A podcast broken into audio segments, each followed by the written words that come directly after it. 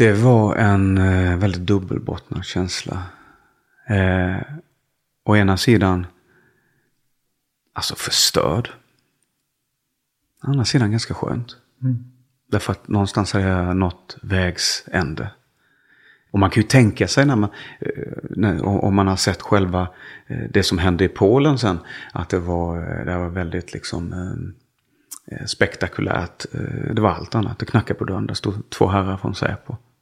Som vänligt legitimerade sig och bad mig följa med. Och så satte vi oss i bilen, åkte 100 meter och gick in på häktet. Och där påbörjade jag ju egentligen en flera år lång resa. Eh, som är den värsta i mitt liv. På ett sätt. Men också den resa som har räddat mig.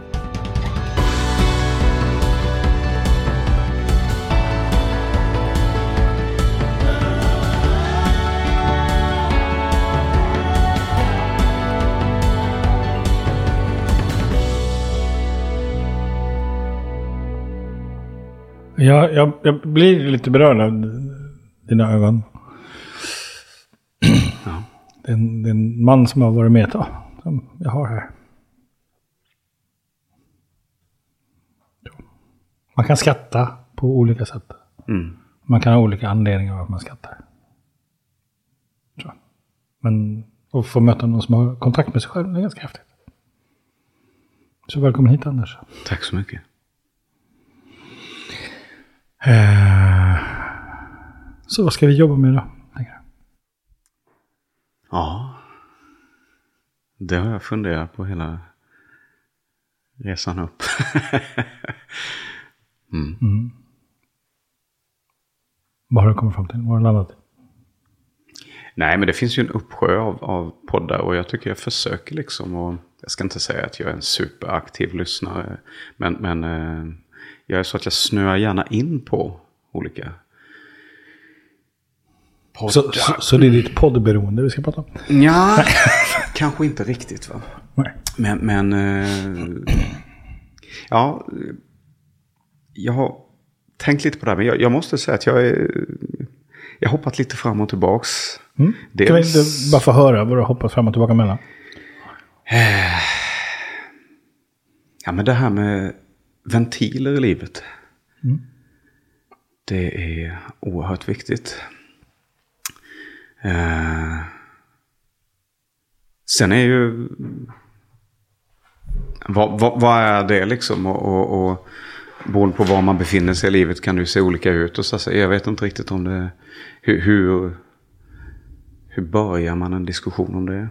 Eller ett samtal om det? Så ventiler i livet. Vad är det ena?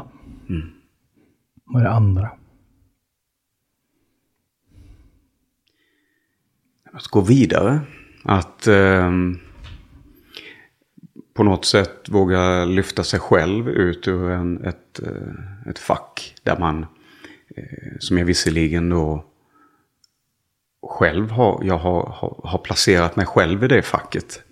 Ehm, och det finns en, en trygghet i att befinna sig i en miljö som du eh, känner och tror dig förstå. Men det kommer också kanske en tid i livet då man eh, inser att eh, man är och eh, bör vara mer än, än, än bara den här, den här ytan. Mm. mm. Så lyfta sig själv U- ut ur ett fack. Ja. och ventiler i livet. Vad har vi mer? Ah, Jag känner väl att alla de här, de, de på något sätt går nästan in i varandra så att man... Det tror jag också. Mm. Eh. Nej men. Kör vi. Vi tar det från Vi- vi- början. vi- vi jag, kör. Så så nu har vi jag två stycken fokusområden. Mm. Så jag är jättenyfiken på din story Anders. Um, Mm. Jag har gott om tid. Varsågod. Ta det från början. Oh. Alltså det är ju en del. ska man börja? Från början. Oj. Ja, hur gör man det? Ja, man börjar från början. Ja. Nej, men eh, jag jobbar ju bitvis som föreläsare då. Mm. Eh, och eh, får ju naturligtvis frågor kring mitt liv och hur det kommer sig att, att det blev som det blev och varför valde man en viss väg. Och, och, och ofta tror jag människor söker eh, svar är att jag har haft en fruktansvärd barndom och eh, svår uppväxt och mina föräldrar har inte varit eh, har inte funnits där eller något sånt där. Och det, det, det, finns väl en sanning i det på något sätt och det kanske det gör för oss alla. Men, men jag kan inte titta tillbaka på min barndom till exempel. Jag, jag har inga missbrukande föräldrar, jag har inga föräldrar som var kriminella. Eh, jag hade fyra syskon, jag har två kvar. Eh, alla har Eh, varit skötsamma, ordningsamma, utbildat sig, skaffat familj. Eh, och, och varit vettiga samhällsmedborgare. Och så kommer då jag. Som föds 1975. Eh, min far han var eh, lite äldre, han var född 1925. Så jag var ju lite av en, en sladdis, han var 50 år. Min farfar, som lite kuriosa, han var också lite äldre. Så han är alltså född på 1880-talet. Så vi har inte wow. haft någon eh, sådär jättestark relation. Mm. um, det finns för och nackdelar med att ha föräldrar som är, är äldre. Men den absoluta nackdelen tror jag, åtminstone när det kom till eh, mina föräldrar, eller kanske framförallt min far, var väl att när den här lilla eh, krutdurken liksom kommer till världen, så tror jag att han har en inställning att nej men du vet man, man, man lär sig av sina, sina misstag. För det har ju mina äldre syskon gjort. De har sprungit omkull, de har rest sig och sen har de lärt sig, de har gått vidare och sen har de liksom gjort någonting vettigt av det här. Och så kommer jag som i princip bara ställer till. Från början. Mm, vad är det första? Ah, ja, jag vet inte. Det finns nog ingen höjd. Eh, Nej, men det, nej, men det kunde vara... Jag vet att eh, min far, han jobbade ju, på, han jobbade ju statligt, han jobbade på SJ. Eh, var viktigt. Eh, mm. På sommarna så hade SJ en, en stor sån här konferensgård, eller vad man skulle kunna säga. Att det var då var det, där familjer som jobbade, där kunde samlas. Och så var det dans och det var grill och det var allt möjligt. Det var jättetrevligt. Ja, Eh, och jag har ingen aning, jag var nog inte många år då. Ja, vad gjorde jag? Jag knallade ut och så tog jag alla nycklarna till utedassen. Plockade ut och gick och gömde dem. Och då var det ju någon som hade sett mig göra detta. Mm. Så det var ju ingen tvekan om vem som var skyldig. Mm. Trots detta. Var det någon som var inlåst? Eh, nej, det var det inte. In, inte, vad jag, inte vad jag kommer ihåg. Vad synd, eh, ja, jag. det hade varit ännu roligare. Ja, jo. Eh, men jag bara vägrade ju att mm. berätta. Vägrade. För, för det första vägrade jag ah. att säga att det var jag. Och inte, naturligtvis inte tala om då var, var de här nycklarna fanns. Vad, vad tänker, bara, bara tvärnita där. Vad, tänker, vad, vad, tänker du idag med all din kunskap som du har liksom, tagit med dig? Vad är det som, hur gammal är du? Du är...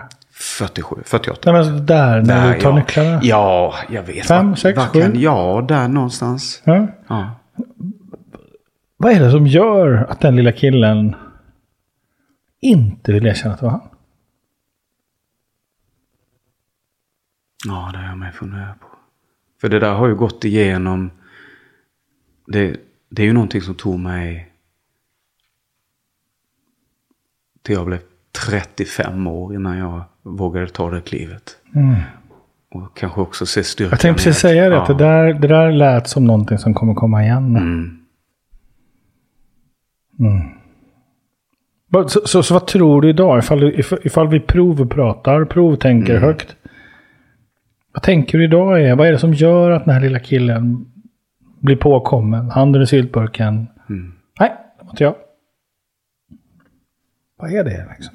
Jag vet inte. Jag, jag, jag har väl brottats lite med tanken att jag kanske var väldigt eh, sökande efter fysisk närhet Jag vet inte om det är så. Men, men eh, min fars generation, eller många av den generationen, det kanske inte var deras...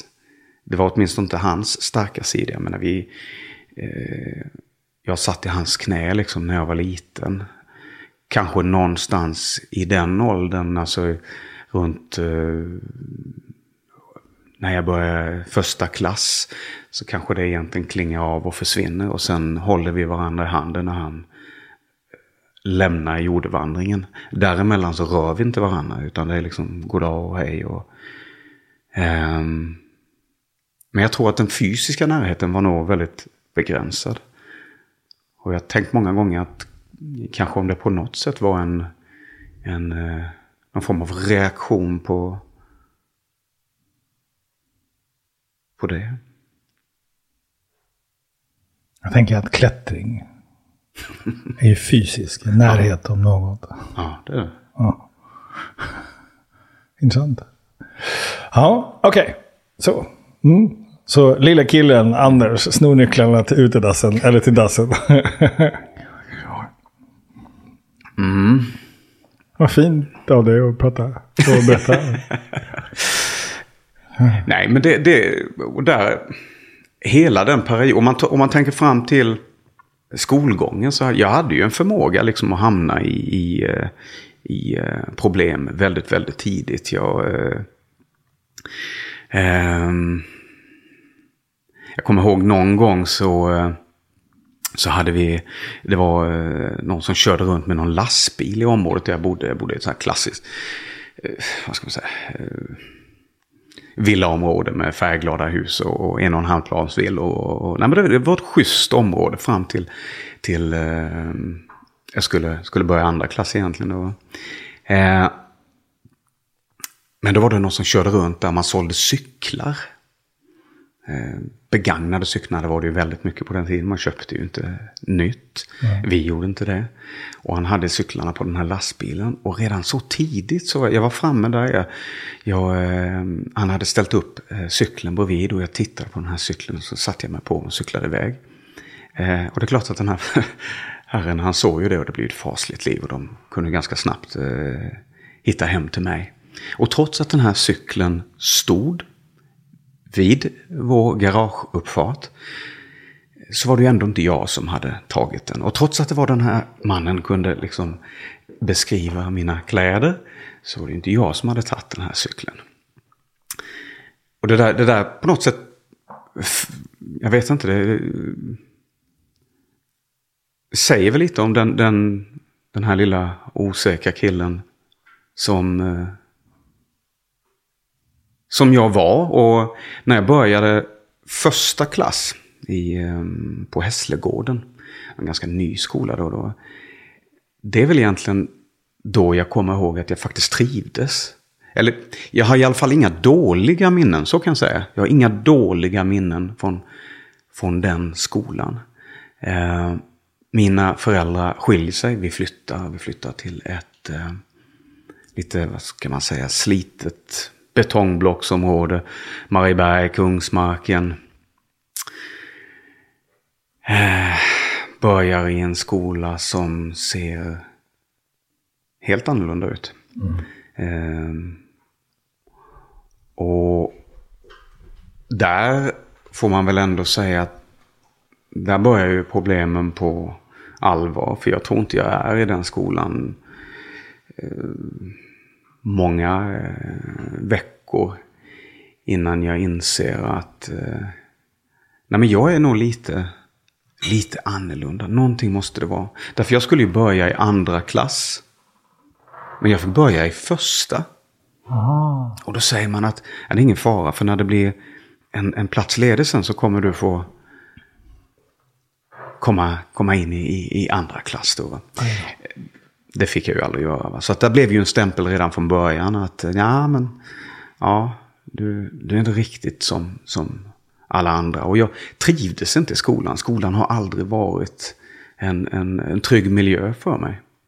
Och eh, eh ja, jag egentligen från första För- klass. Föreläser du på skolan någonting? Det blir en del, men framförallt inom församlingar och sånt här. Okej. Mm. Men jag tänker, när du har varit i en skola, har du sett dig själv Ja, där? det gör jag. Har du sagt det till dem du ser? Har du närmat dig dem på något Det sätt? har jag absolut gjort. Eh, inte naturligtvis... Inför eh, andra såklart, nej, nej. Eh, definitivt inte. Men eh, en av de absolut viktigaste delarna tycker jag som föreläsare det är ju att stanna kvar efteråt. Mm. För det är då de här killarna och, och tjejerna också för den delen Mm. dyker upp. Och så kommer frågorna. Och, och pff, det är klart jag känner igen mig. Mm. Såklart.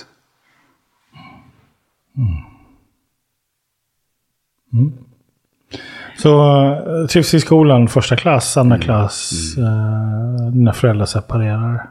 Så du är sju eller åtta när de separerar. Mm. Eh, vad händer för dig när pappa lämnar?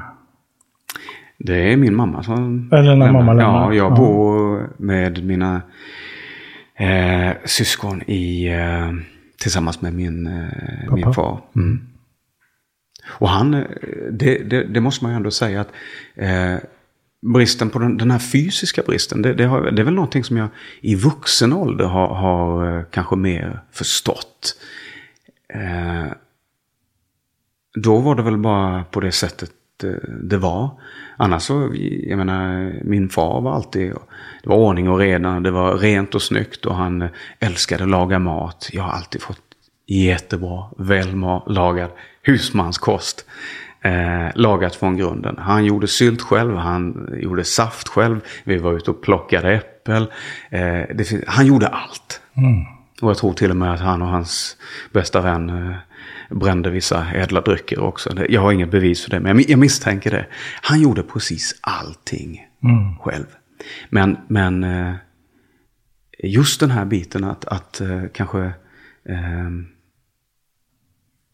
finnas där på ett mer nära sätt. Okej, så skulle, du, skulle du säga det att han var frånvarande i sin närvaro? Ja. Absolut. Mm, för dig? Ja. Ja, hur många syskon har ni? Eh, ja, fyra stycken. Med dig alltså? Ja. Nej, nej, alltså utöver. Utöver, så fyra plus dig? Mm. Mm, cool. Så första fasen i livet, eh, skolan tidigt. Eh, Andra fasen, mamma och pappa skiljer sig. Eh, Hur skulle du liksom kalla den fasen? Hur länge håller det i sig från andra klass och framåt? Det, då, det, den dåliga skolgången menar du? Nej, jag tänker, jag, jag, jag tänker att vi, jag, jag tror att vi tänker sekventiellt. Eh, jag, tänk, jag tror att vi, vi förhåller oss till vår dåtid i faser. Mer än årtal specifika. Liksom, men då, då, var, då gick jag igenom den processen. Gick igenom, så att, så att, du har pratat om den första, liksom skolgång tides. Sen andra, andra klass börjar med liksom mamma och pappa, föräldrar skiljer sig i skolan. Du, du kommer inte in i andra klass. Du, du får börja om. Så. Det är många som, eh, när man lyssnar som säger de har oerhört tydliga minnen från de var tre, fyra år och sånt här.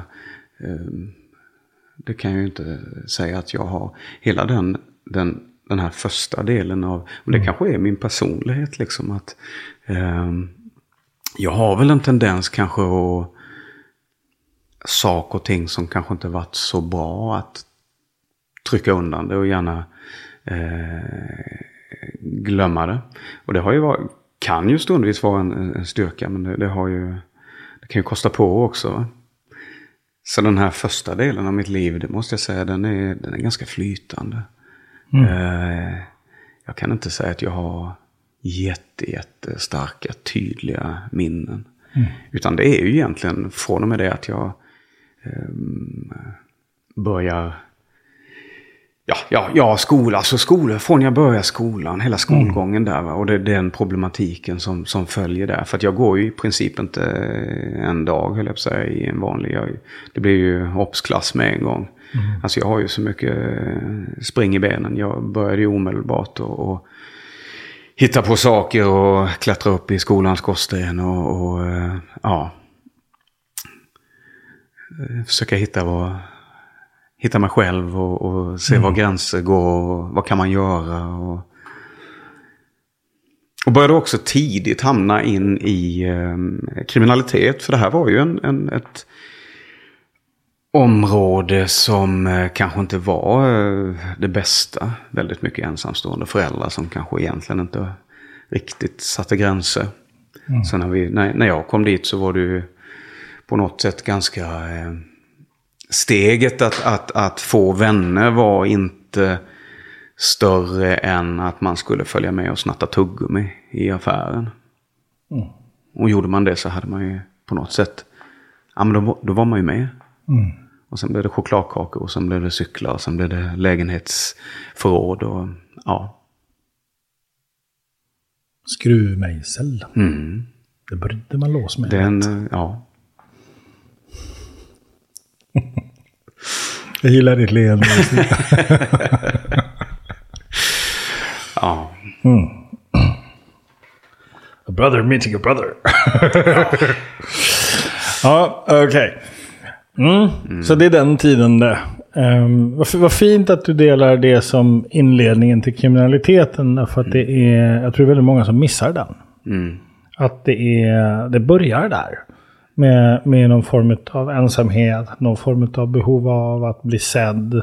Trots att alla signaler finns där. Vad fan, snubben klättrar upp i skolans skorsten. Mm. Så här, det här kan inte vara svårt att förstå. Att den här grabben behöver något. Eller hur? Mm. Mm. Uh, och sen är det liksom chokladkakan och sen så mm. är det lägenhetsförråden. Och så. Och så är det igång. Ja. Liksom. Jo men alltså jag hade hela, hela min skolgång egentligen var ju, skulle man ju kunna kalla som kaotisk. Jag har ju naturligtvis haft eh, lärare som, som jag har och ser väldigt positivt på. Som har betytt väldigt mycket för mig. Men skolan i sig var ju, mm. var ju ingen bra eh, period i mitt liv. Jag började liksom karriären med att gå om en klass, bara det. Okay. Man petas ner. Jag hade nästan turen, får man väl säga, på ett sätt att lämna skolan för att slippa eh, det jag upplevde då kanske hade varit skammen inför de andra. Ehm, sen eh, blir det ju obsklass när jag kommer upp i högstadiet så har jag ju redan egentligen blivit ja, grovt kriminell. Skulle man väl minst sagt kunna säga. Och jag blev vägskickad till en lite speciell skola eh, som hette Bubbtorps gård. Det var en, en, eh, en äldre bondgård skulle man, kunna, skulle man kunna beskriva det som. Och där blev jag utskjutsad eh, av min kurator tror jag det var. Avsläppt. Hon backade upp och försvann iväg där. Och då kom det ut en man och ställde sig på trappan där och hälsade mig välkommen till Bubbtorps gård, en skola för eh, kommunens samlade juveler då. Vi som var intresserade av väldigt, väldigt mycket, men kanske inte så mycket som hade med skolan att göra. Eh, där tillbringade jag hela högstadiet. Vi var väl, ja vad var vi? Fem elever och ja, lika många lärare. Eh, Bodde ni där också? Nej. Okay. det var dag, dagtid? Liksom. Ja. Mm. Eh, Tanken var väl egentligen att jag skulle vara där ett par veckor, eller jag trodde åtminstone det. Det blev ju mm. tre år. Idag är jag ju evigt tacksam för det, för det var fortfarande så att vi hade lärare där som jag behövde. Några av de, de gamla skolan som jag tycker som man inte kunde sätta sig på. Och det är kanske att ta i och säga att jag inte kunde skriva mitt namn eller läsa när jag kom ut dit. Eh, men faktum är att när jag gick ut nian så hade jag fullgoda betyg. Och det är klart att jag måste ju göra någonting själv. Mm. Men jag hade inte kommit i närheten. Jag hade haft ett streck rakt igenom om jag inte hade fått den möjligheten. Wow. Eh, så jag är ju oerhört tacksam eh, för det här. En av mina lärare gick bort för ganska nyligen. Bra bit över 90. Jag träffade han för två, ja vad blir det? Ja, nej, det är nog tre år sedan. Tre, fyra. Ja, det spelar ingen roll. Ehm, och vi hade ett fantastiskt samtal. Vilken humor. Men jag, jag, jag ångrar och kommer alltid göra att jag inte berättade för honom. Att jag inte, jag, och jag vet inte varför, men att jag inte vågade säga det till honom. Hur mycket han med facit i hand jag skulle ju vandra vilse i mitt liv, värre än någonsin. Eh, men, men det fröet som bland annat han var med och, och, och sätta. Det började ju så småningom gro.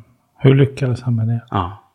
Det, jag tror att jag, första lektionen jag hade med, med, med den här herren.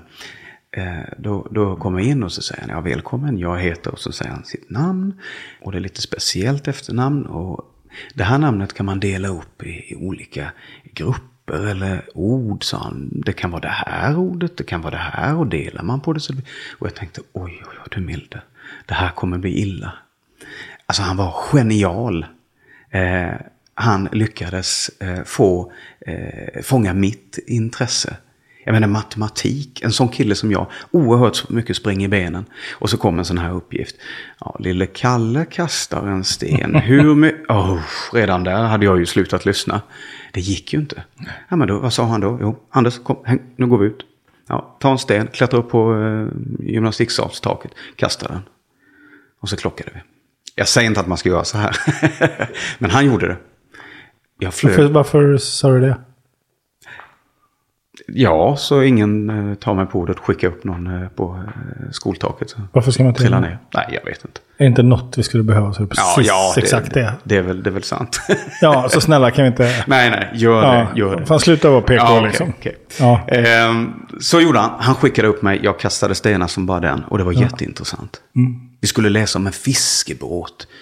Hur många fiskar finns det i nätet? Öh, vad hemskt. Då åker vi in till stan. Och sen hoppade vi på en skuta som fortfarande fanns där. Tuffade ut och där var vi med hela dagen. Det var jättespännande att räkna. Höll han i dig? Ja. Så fysisk närhet? Mm, ja. Och det tror jag, tittar man på vår eh, skolavslutningen. Så var det ju, jag kan ju, inte, jag, jag kan ju säga att det var inte så att det drällde av föräldrar. Utan då var det de här herrarna. Och damerna för den delen. För det, för det fanns. Men höll han om dig? Ja, absolut. Har du tänkt på det förut? Nej, det har jag nog inte gjort. Så han gjorde det du behövde? Mm. Någon som vågar hålla i dig? Hålla om dig? Och det är också det, det jag tänker. Min, min, min, min far han, eh, han var en väldig bokmal. Eh, så att det, jag, kan inte säga att jag inte, att jag inte har fått det därifrån. Men återigen, alltså genom skolan, det sättet som eh, lärare där också presenterade med litteratur och sånt. Att det kan vara spännande, som en film ungefär. Mm. Och det tänkte jag, men det kan det ju inte vara. Ja, men läs det här, vi läser tillsammans. Och jag tyckte det var otroligt spännande när, när, när när de läste. Men att läsa själv, nej. Men alltså eh, tio år efter att jag lämnade grundskolan. Mm. Då, då plockade jag upp en, en, en bok. Eh, och jag tror det var eh, jag tror det var Sven Hedins, den här eh, En resa på Tarim. Det låter väl kanske inte så oerhört eh, inspirerande för alla. Men alltså jag, jag, kunde, jag, kunde inte, jag kunde inte ta mig ut. Nu han, han var ju fantastisk på att beskriva mm. en, en miljö, en, en, mm. en situation. En man känner ju, mm. man är ju där själv på den här floden liksom. Man känner. Eh, Okej, okay. så du går ut högstadiet mm. och har betyg. Vad händer sen? Jag eh, påbörjar bygg och anläggning. Mm. Vilket jag absolut inte var intresserad av överhuvudtaget. Eh, och hoppar av efter sex månader någonting. Och där hade jag ju verkligen varit i behov av ja, både föräldrar som hade stöttat. Och också en eh, lärare som hade kunnat eh, fånga upp men då hade jag redan vandrat vilse i, i både kriminalitet och uh, i uh, politiska villfarelser. Mm. Hur började det? Mm. Ja, men det började nog i, i skolan. I tvåan? Tvåan du skulle ha gått? Ja jag möter på den skolan eh, invandrare för första gången i mitt liv. Mm. Det blev ingen positiv eh, upplevelse. Eh, de här killarna var ju några år äldre. Eh, framförallt var det en chilensk kille som eh, vi, vi eh, råkade i slagsmål några gånger. Han var bra mycket större och starkare än mig. Så att det var ingen bra det, det, det, var, det var inte bra. Eh, och det födde väl... Ett, alltså hat är väldigt starkt ord. Rädsla. Mm. Mm. Eh, det fanns under den här tiden...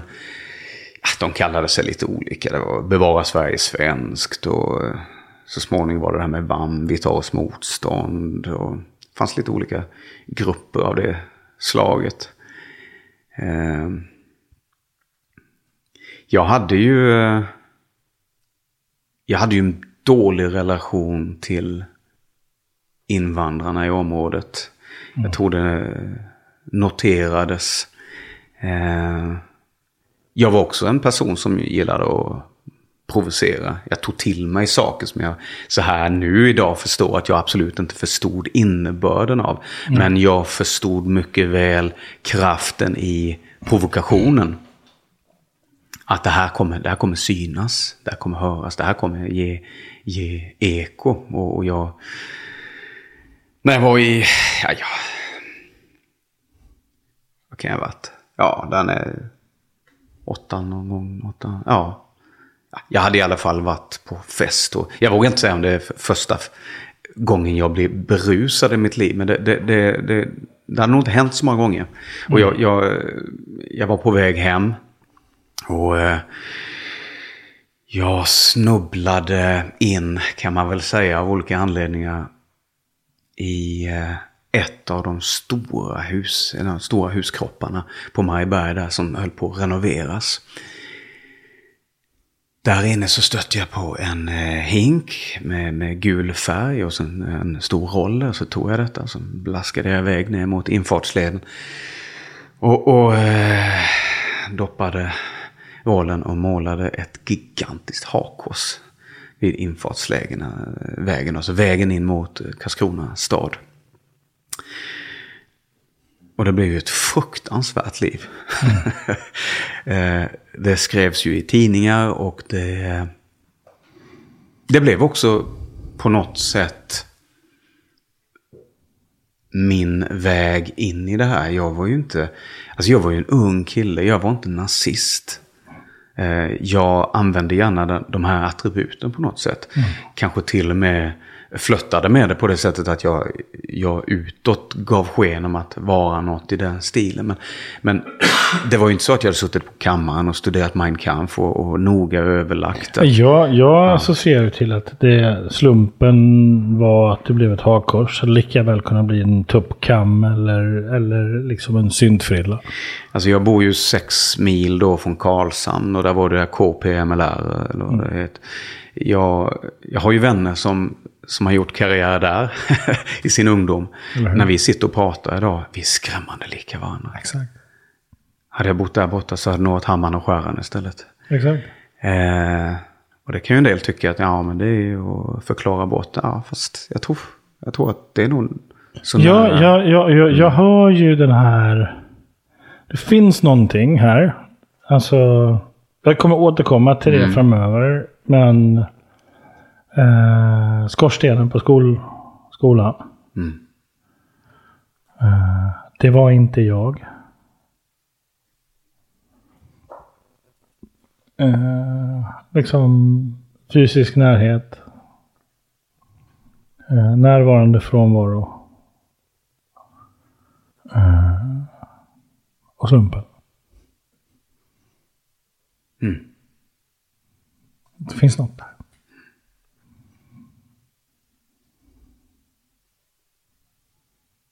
Det var inte jag. Det är också en identitet. Mm. Ja, när jag själv tänker på det så... Jag... Alltså jag var ju oerhört... Jag var nog en väldigt, väldigt sökande ung kille. Jag, jag trevade liksom mig fram. Jag, jag testade med eh, tidigt så började jag fundera på det här med, med ja men vad, vad, finns efter, vad finns mer än det här? Finns, finns det en gud till exempel? Mm. Och, och, och, som barn så fascinerades jag av nej men, den nordiska mytologin och i tonåren så hittade man ju någon bok och så började man läsa om Oden och Tor och så här. Och, så, och det var ju spännande mm. små berättelser då, va? men de kanske inte löste mina problem sådär. Va? Eh, det här med det, det, det politiska eller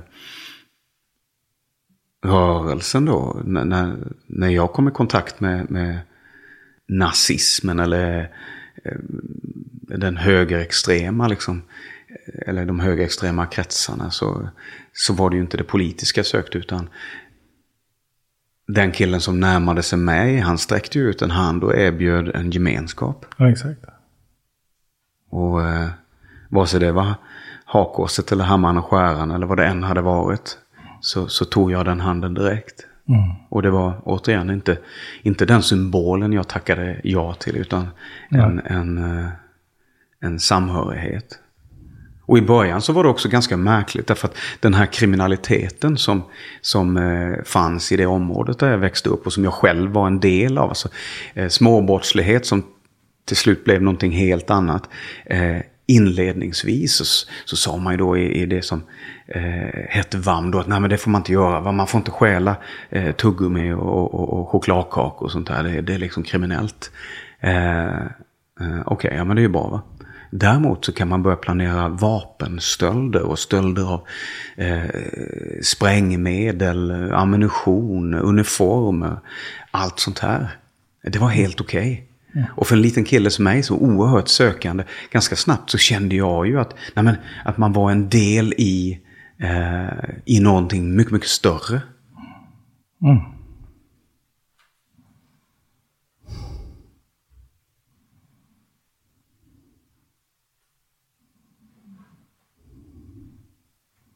Vad snackar vi för år här?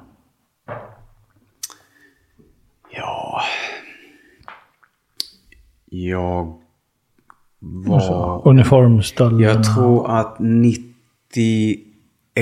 tror, om jag inte har fel. Mm. Där någonstans, runt början av, av 90, 91, 92 där någonting. Mm. Men jag menar tidigt där så har vi alltså, jag är ju, jag är ju redan vid 18 års, jag blev alltså gripen innan min 18-årsdag och häktad och spenderar min min 18-årsdag i, i häkte och, och först direkt till fängelse sen. För? Eh, massa saker. Framförallt, Som? nej, stölder, vapenstölder och framförallt en, stor, stor stöld av eh, hundratals kilo sprängämnen. Förberedelse till grovbrott? Ja, jag tror det, vad var det, vad är det säger? Förberedelse till grov allmänfarlig ödeläggelse tror jag det heter. Va? Eller hette. Mm. Vi gick runt i området. Alltså, vi hade ju någon sån här idé, du vet, att vi skulle, vi, vi skulle då förbereda oss för det här heliga kriget på något sätt som vi inbillade oss skulle eh, dyka upp när som helst.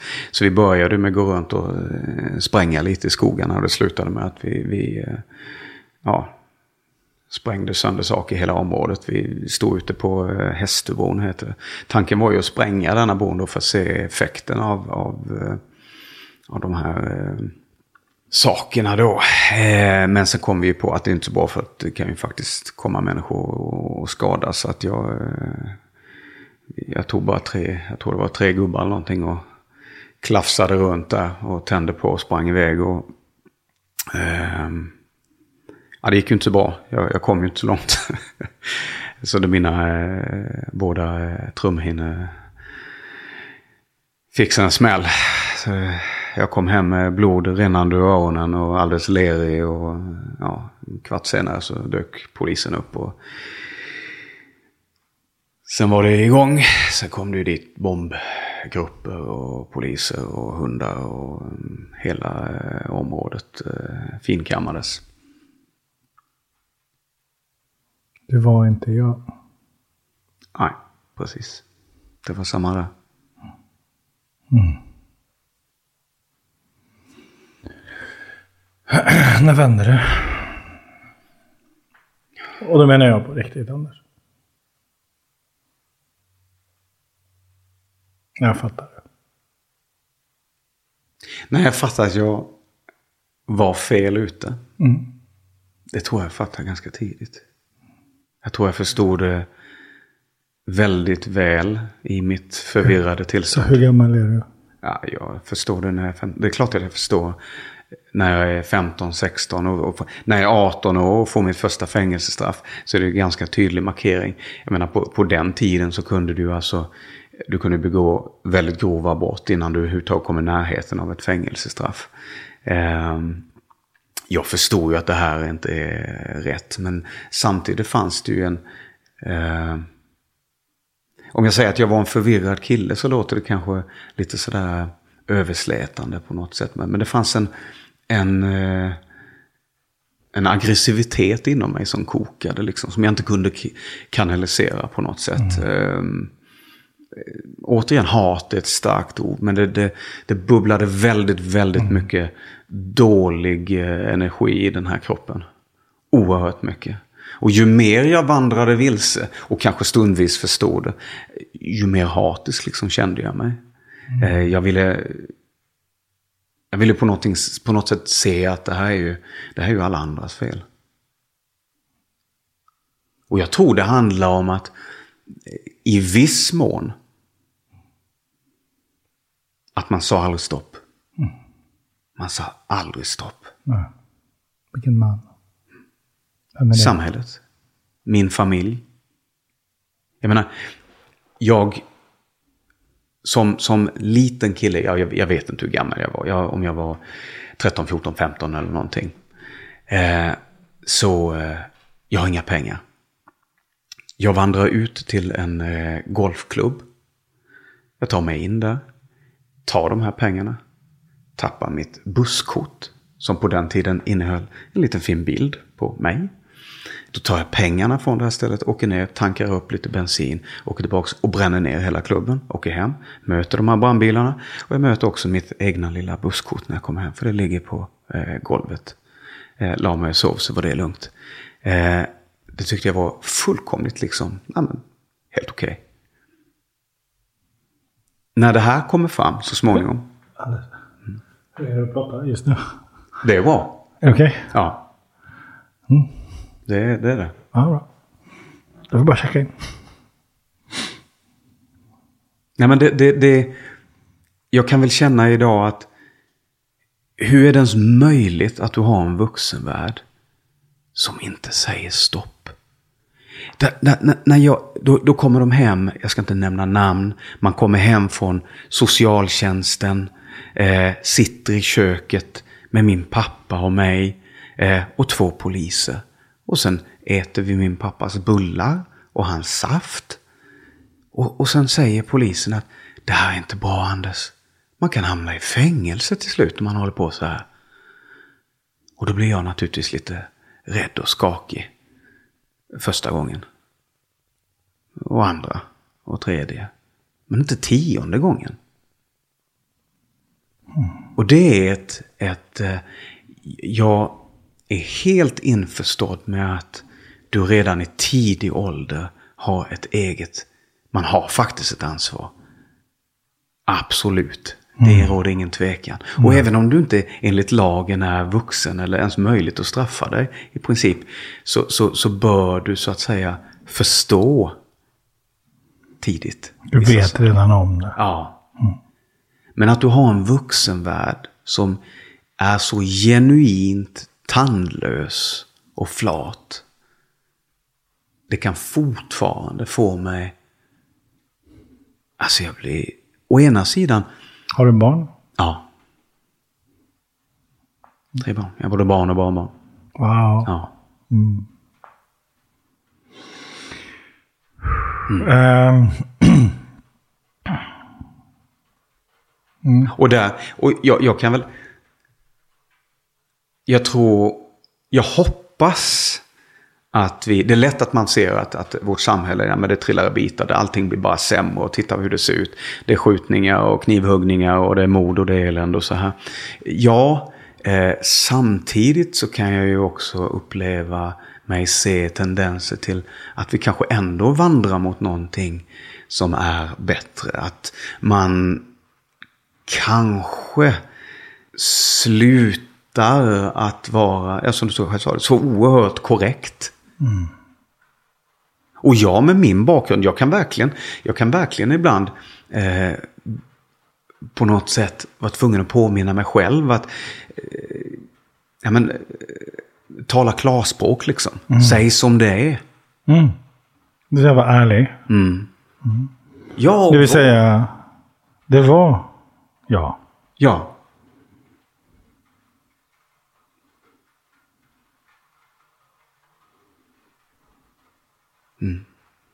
Hur?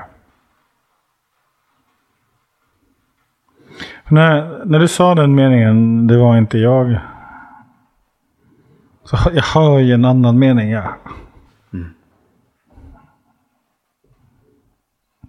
Det är ju liksom, men det är jag, ser mig. Mm. Så, ser ni inte? Och för varje gång som, som du, liksom, man säger det var inte jag. Mm.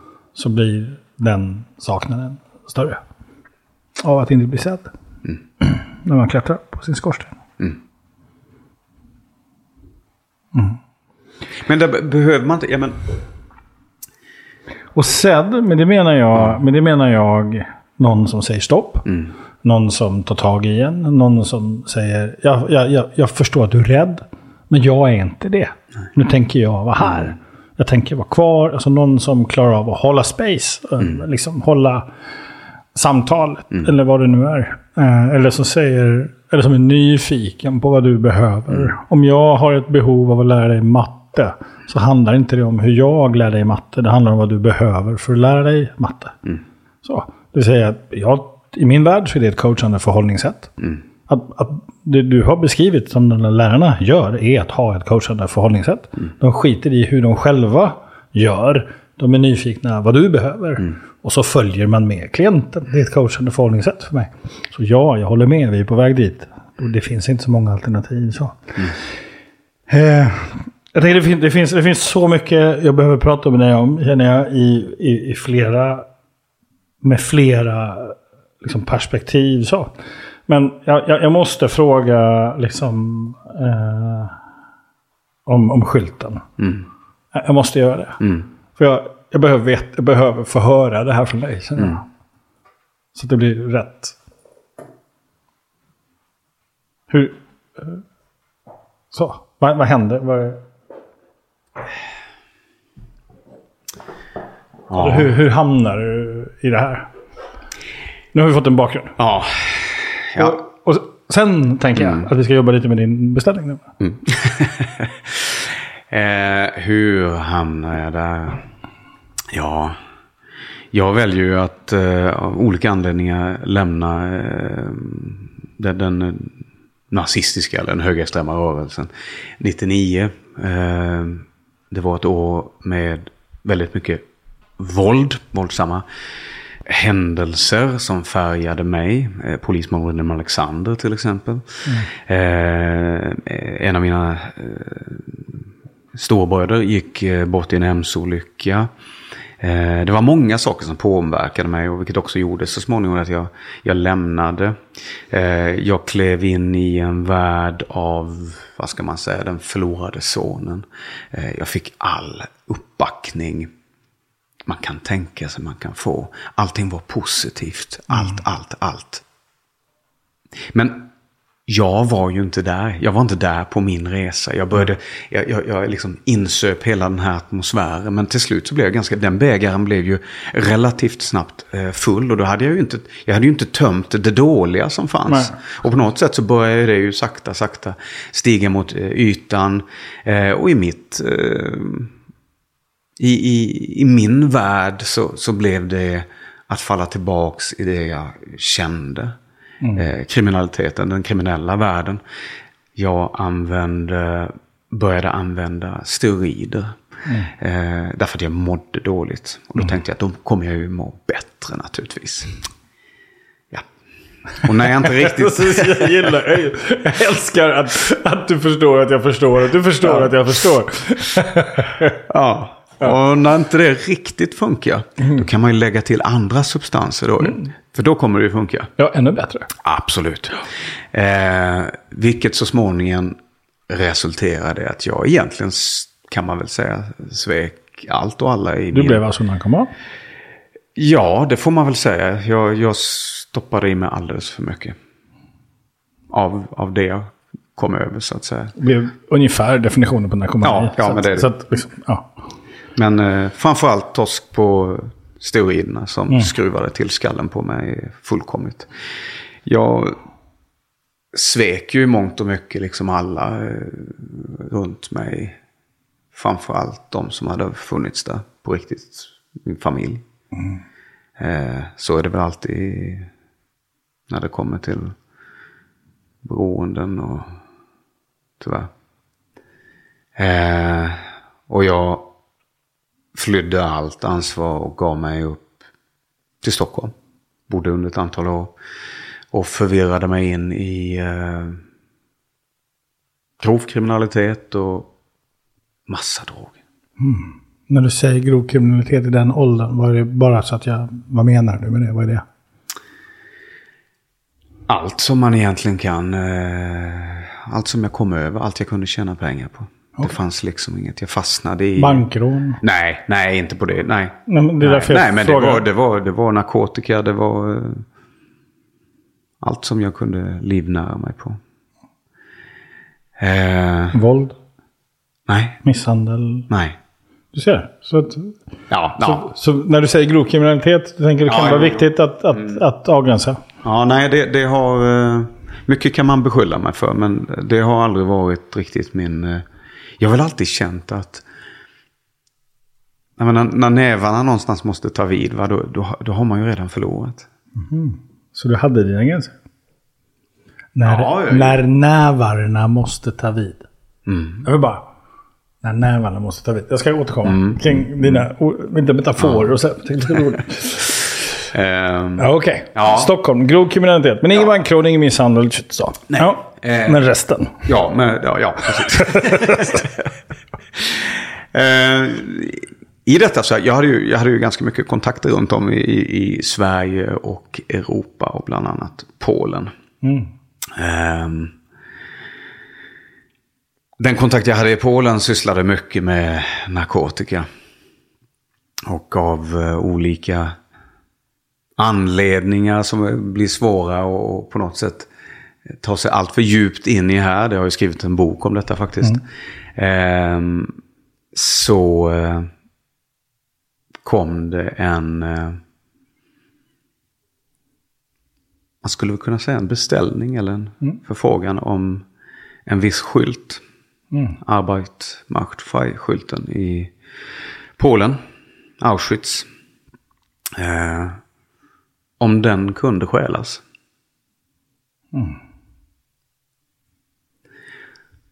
Och i min värld så... eh, Och då var du inte med inblandad i liksom, högerextrema nej, nej, nej. Jag var ju, tror jag, ganska allmänt hatad av dem vid det här laget.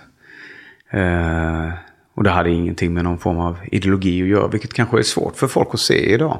Alltså jag, jag var... Jag var den, den, den, faktiska sanningen, och som är väldigt osminkad, ful och, eländig, det är, ju, det är ju att jag, jag såg en möjlighet att tjäna pengar.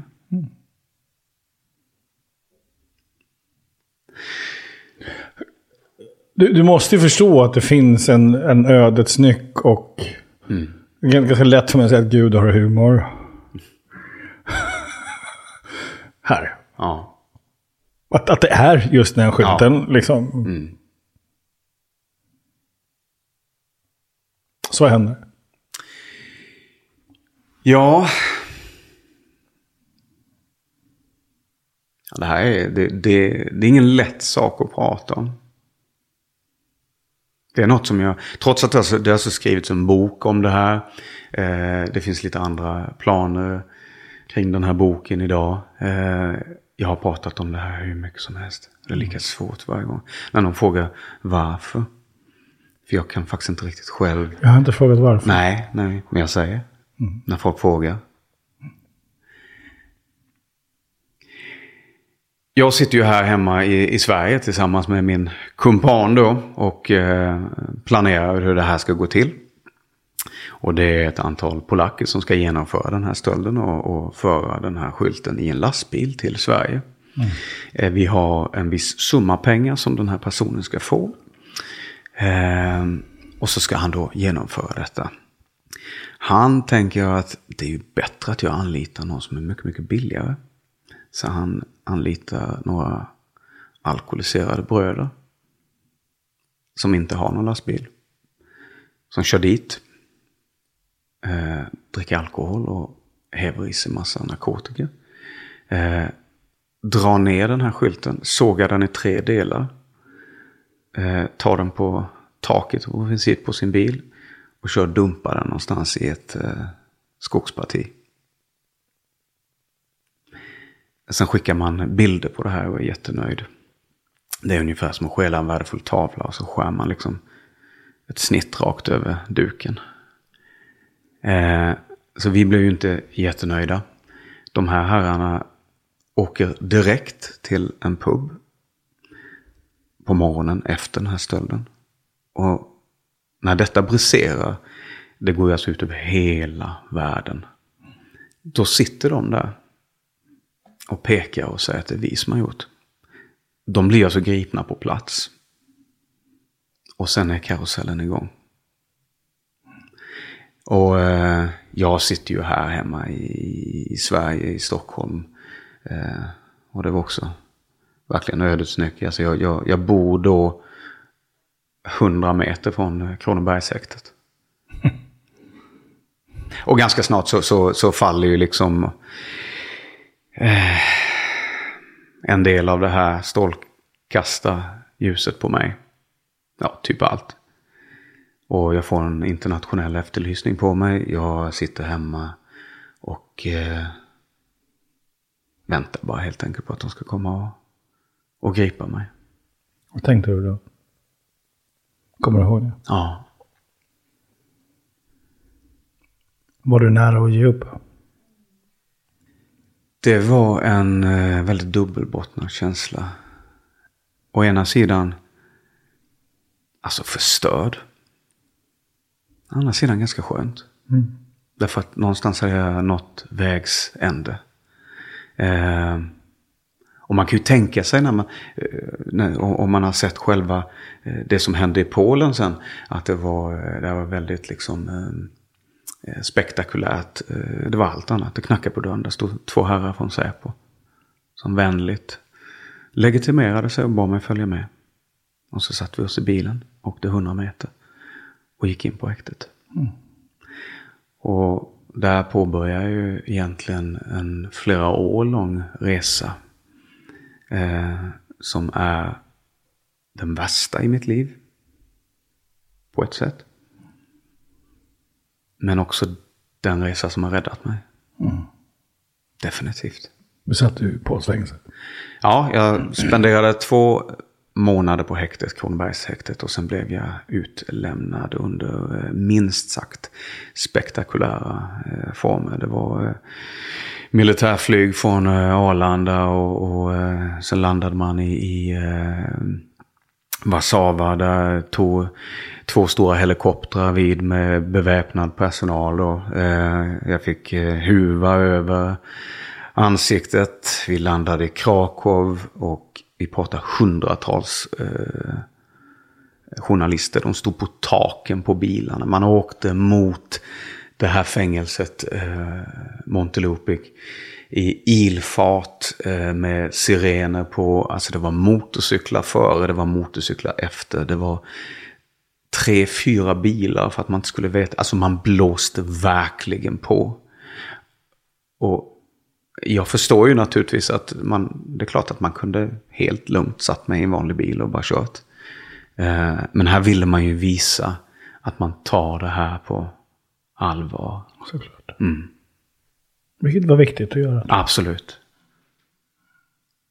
Och där började jag ju någonstans ändå.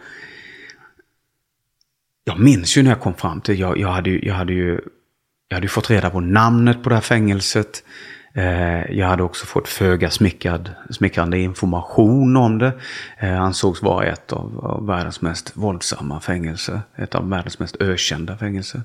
Det är alltså... Eh, det har varit både mord och det är mycket eh, våld och våldtäkter. Eh, ja, det var ingen rolig info att få innan man var på väg dit. Eh, och jag minns när jag, när jag kom fram dit, jag, jag såg det här eh, bakom ett, ett, ett fullkomligt hav av journalister. Så såg man det här fruktansvärda eh, fängelset som var så slitet med taggtråd och hundar och, och, och eh, beväpnade eh, vakter. Eh, det var ju som i någon film. Och jag tänkte, vad gud.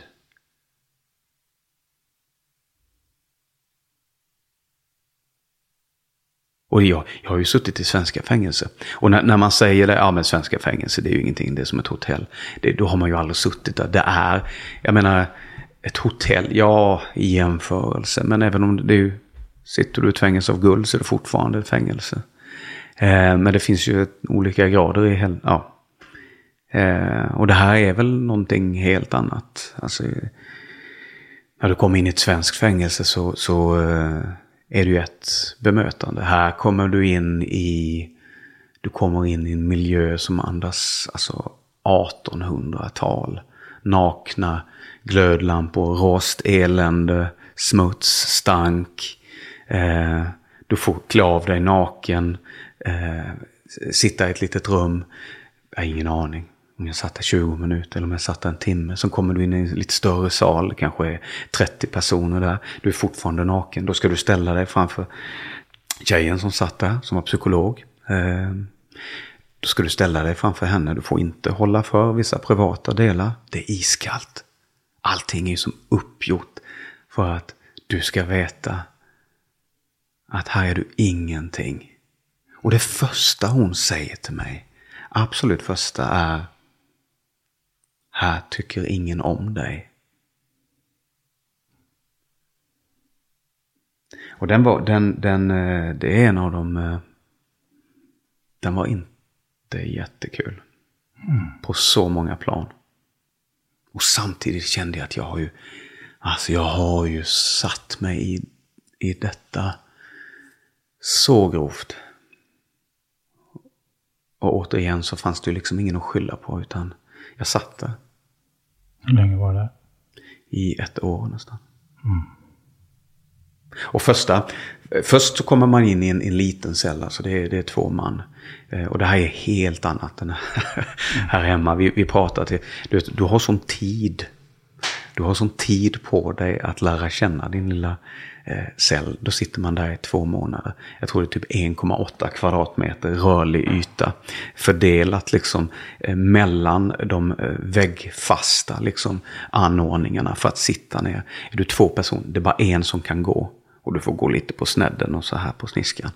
Eh, toalett, ja det är ju ett hål som du häller ner vatten i. Det, det är det trevligaste djuren som finns där är väl spindlar. Liksom. Det är råttor, det är fladdermöss, det, det är eh, alltså du, du sover med dina medfångars avföring på dina kläder. Det är ofrånkomligt. Du måste gå på toa. Det är genomvidrigt. Du äter två gånger om dagen. På morgonen får du, oh, du får en halv limpa bröd. Eh, den är stenhård. Och oftast då med ohyra i och sen kompott. Det är alltså någon, någon tråkig frukt som man har kokt till en, en eh, lite lätt tråkig soppa eller gröt.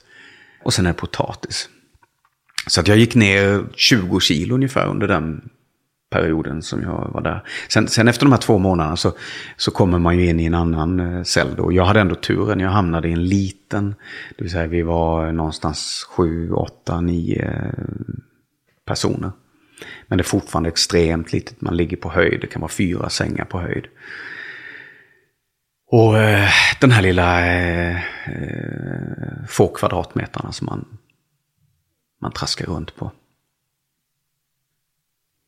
Vad heter ditt barnbarn? Jag känner inte att jag... eh, Du vill att du tänker på vad hon heter? Mm. Han. Vad han heter? Mm. Hur var det att hålla honom? Jag har ju glädjen att jag har fått med mig barnbarn på köpet. Jag har fått extra som idag är mina eh, barnbarn rent juridiskt. Men framförallt i, i, i hjärtat. Eh, så att jag har ju fått smaka på det tidigare. Eh, men det här var ju första gången som så att säga jag ser en, den här lilla skapelsen eh, direkt efter födseln. Och, och eh, jag vet inte hur det var. Jag tror, jag tror inte jag kan... eh, Jag tror, jag tror det, det är liksom en pågående resa. Därför att jag hela tiden... Eh, jag tror det är ännu starkare nu. En del säger att det var fantastiskt. Jag tycker det har blivit mer fantastiskt. För idag är det en... en, en eh, idag har jag en helt annan relation till de två äldre och, och, och, den yngst, yngsta då som är tre år. Eh, jag menar när, när, när de säger farfar. Det är ju helt sjukt. Eller hur? Ja.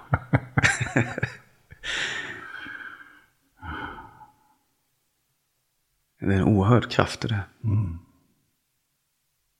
Och barn är, missförstå mig rätt nu, alltså barnen är ju, man gör ju vad som helst för sina barn. Och jag, kan, jag, jag vet inte, vad, vad, kan man gradera liksom kärlek?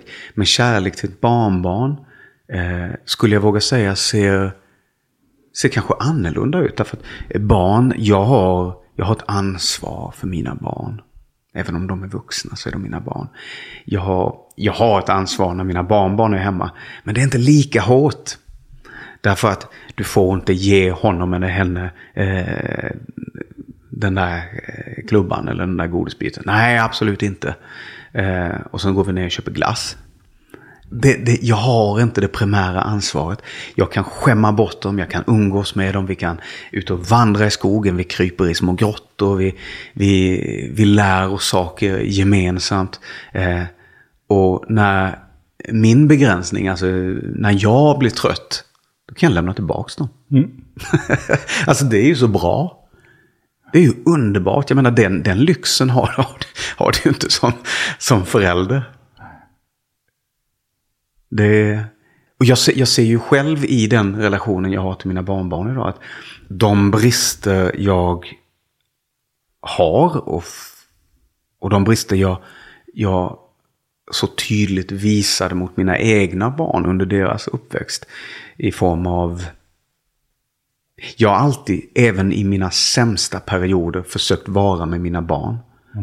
Jag har under de värsta omständigheterna som jag har upplevt släpat mig liksom till flyget och åkt ner, även när jag bodde här uppe. Eh, och inte orkade med mig själv.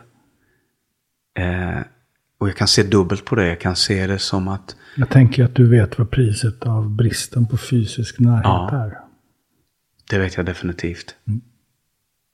Och den är, även om jag, jag tänker att som barn eh, kommer du till en punkt då du kanske börjar döma dina föräldrar. Om, den, om det finns brister som är som du upplever väldigt, väldigt allvarliga. Men jag tror att du... Så du vill kunna säga till dem. Ja, men jag tittar, på, jag tittar mina, jag tittar på mi- mina, eh, mina föräldrar. Eh, de visade mig kärlek på många sätt. Mm. Men de fanns inte riktigt där på det sättet som den här lilla killen alltid Hade behövt. behövt. Nej, precis. Eh, en del är definitivt den fysiska delen. Jag menar, för mig är det självklart att krama mina barn. Att hålla om dem. Eh, sen är de, de, de är vuxna idag. Så att det, det är lite... eh, Kanske de behöver ännu mer kram. Ja, ja. Så det är... Världen men är jag menar barnbarnen, jag, det, jag, jag älskar att kasta mig liksom på marken och brottas och krypa runt och, och att vara nära. Det ger ju Att vara nära. Att vara nära varandra, vara nära mina barnbarn. Och jag upplever också att genom barn. Genom barnbarn. ja, genom barnbarnen så har jag också kommit mycket närmre eh, mina, eg, mina, mina barn. Och framförallt då kanske då min, min eh, äldsta son, alltså pappan. Jag tror det finns en sak till. Du har kommit närmare. Mig själv kanske. Är det inte dig själv också? Du Ja. leker med när du leker med barnbarnen. Ja, men det är det ju. Eller hur? Mm. För vilken är den finaste av förlåtelse?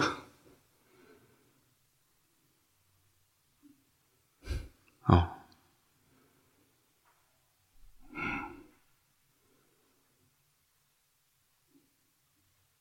Mm. Att plötsligt vara den man själv hade behövt. Ja.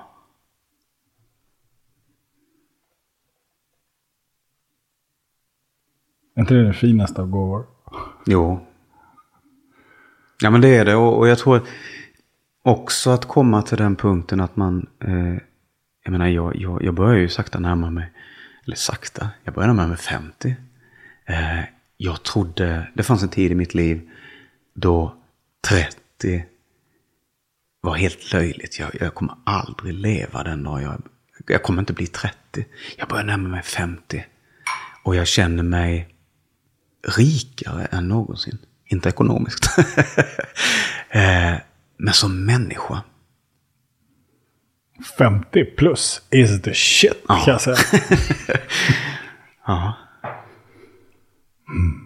Du, vi ska avsluta idag. Eh, jag behöver runda av det här. Um, uh, kommer du ihåg vad det var vi började prata om? Och vad din beställning var? Vad din beställning var? Ja. Och två saker. Ja. Ventil. Ja, ventil i livet. Mm. Och vi har avslutat samtalet med att du pratar om dina barnbarn. Mm. Och, och att vara med sig själv. Och att liksom hålla om sig själv också. Eh, och sen har du också lyfta sig själv ut ur ett fack. Mm. På vilket sätt har du lyft dig själv ur ett fack idag?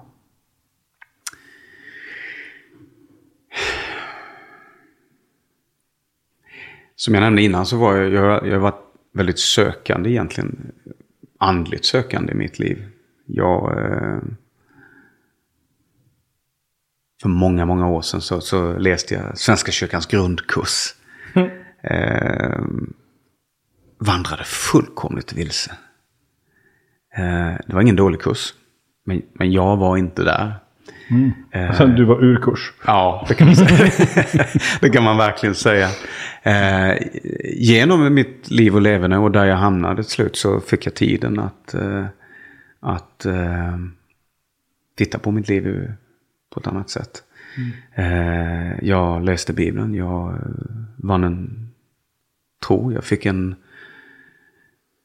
det som det mest fantastiska man kan få på något sätt. Alltså nåd, en, en känsla av eh, frid.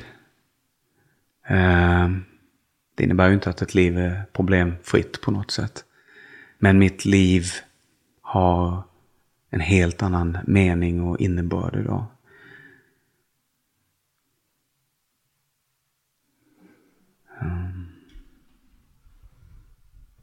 Det händer någonting hos dig Mm. ibland när vi har pratat. Så har den här armen skakat. Är du medveten om det? Nej. Och det är vid tre tillfällen som den här armen har skakat.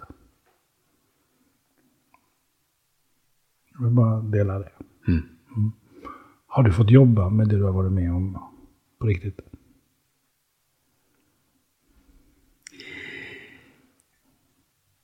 Och du märkte att jag höll kvar. Ja.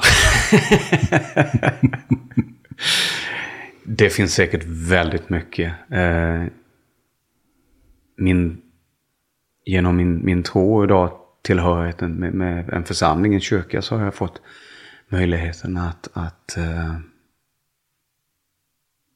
se på mitt liv med, med andra glasögon tror jag. Och har vågat släpp, släppa. Det finns människor som vågar bjuda in mig i sina liv på ett sätt som eh, jag tror inte jag hade, hade hittat.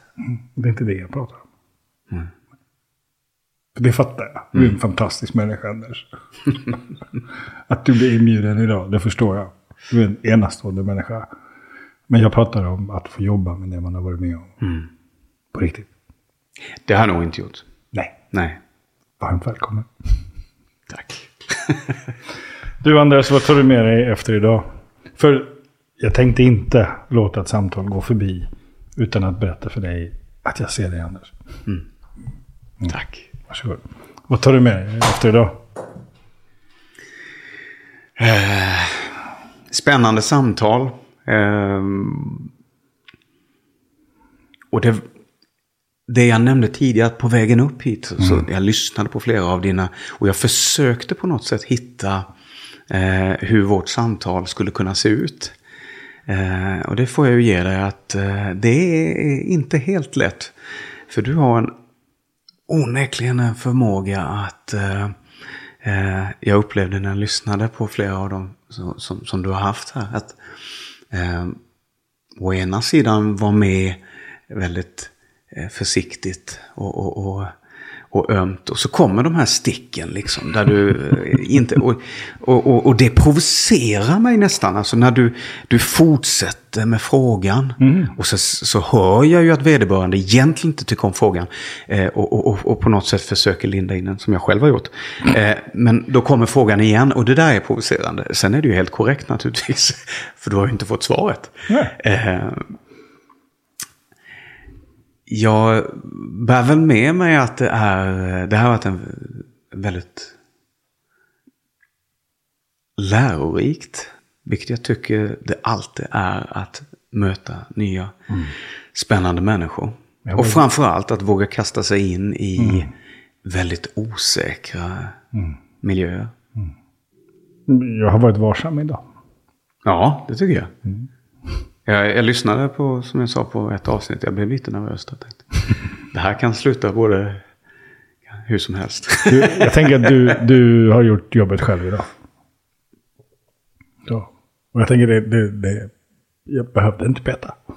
För det gör du så bra själv. Så. Men det du inte fixar, det är att se dig själv utifrån. det ligger nog en hel del i det. Och, och det har varit mitt jobb. Att sitta kvar och visa att jag hör dig. Och se dig. Tack. Tack.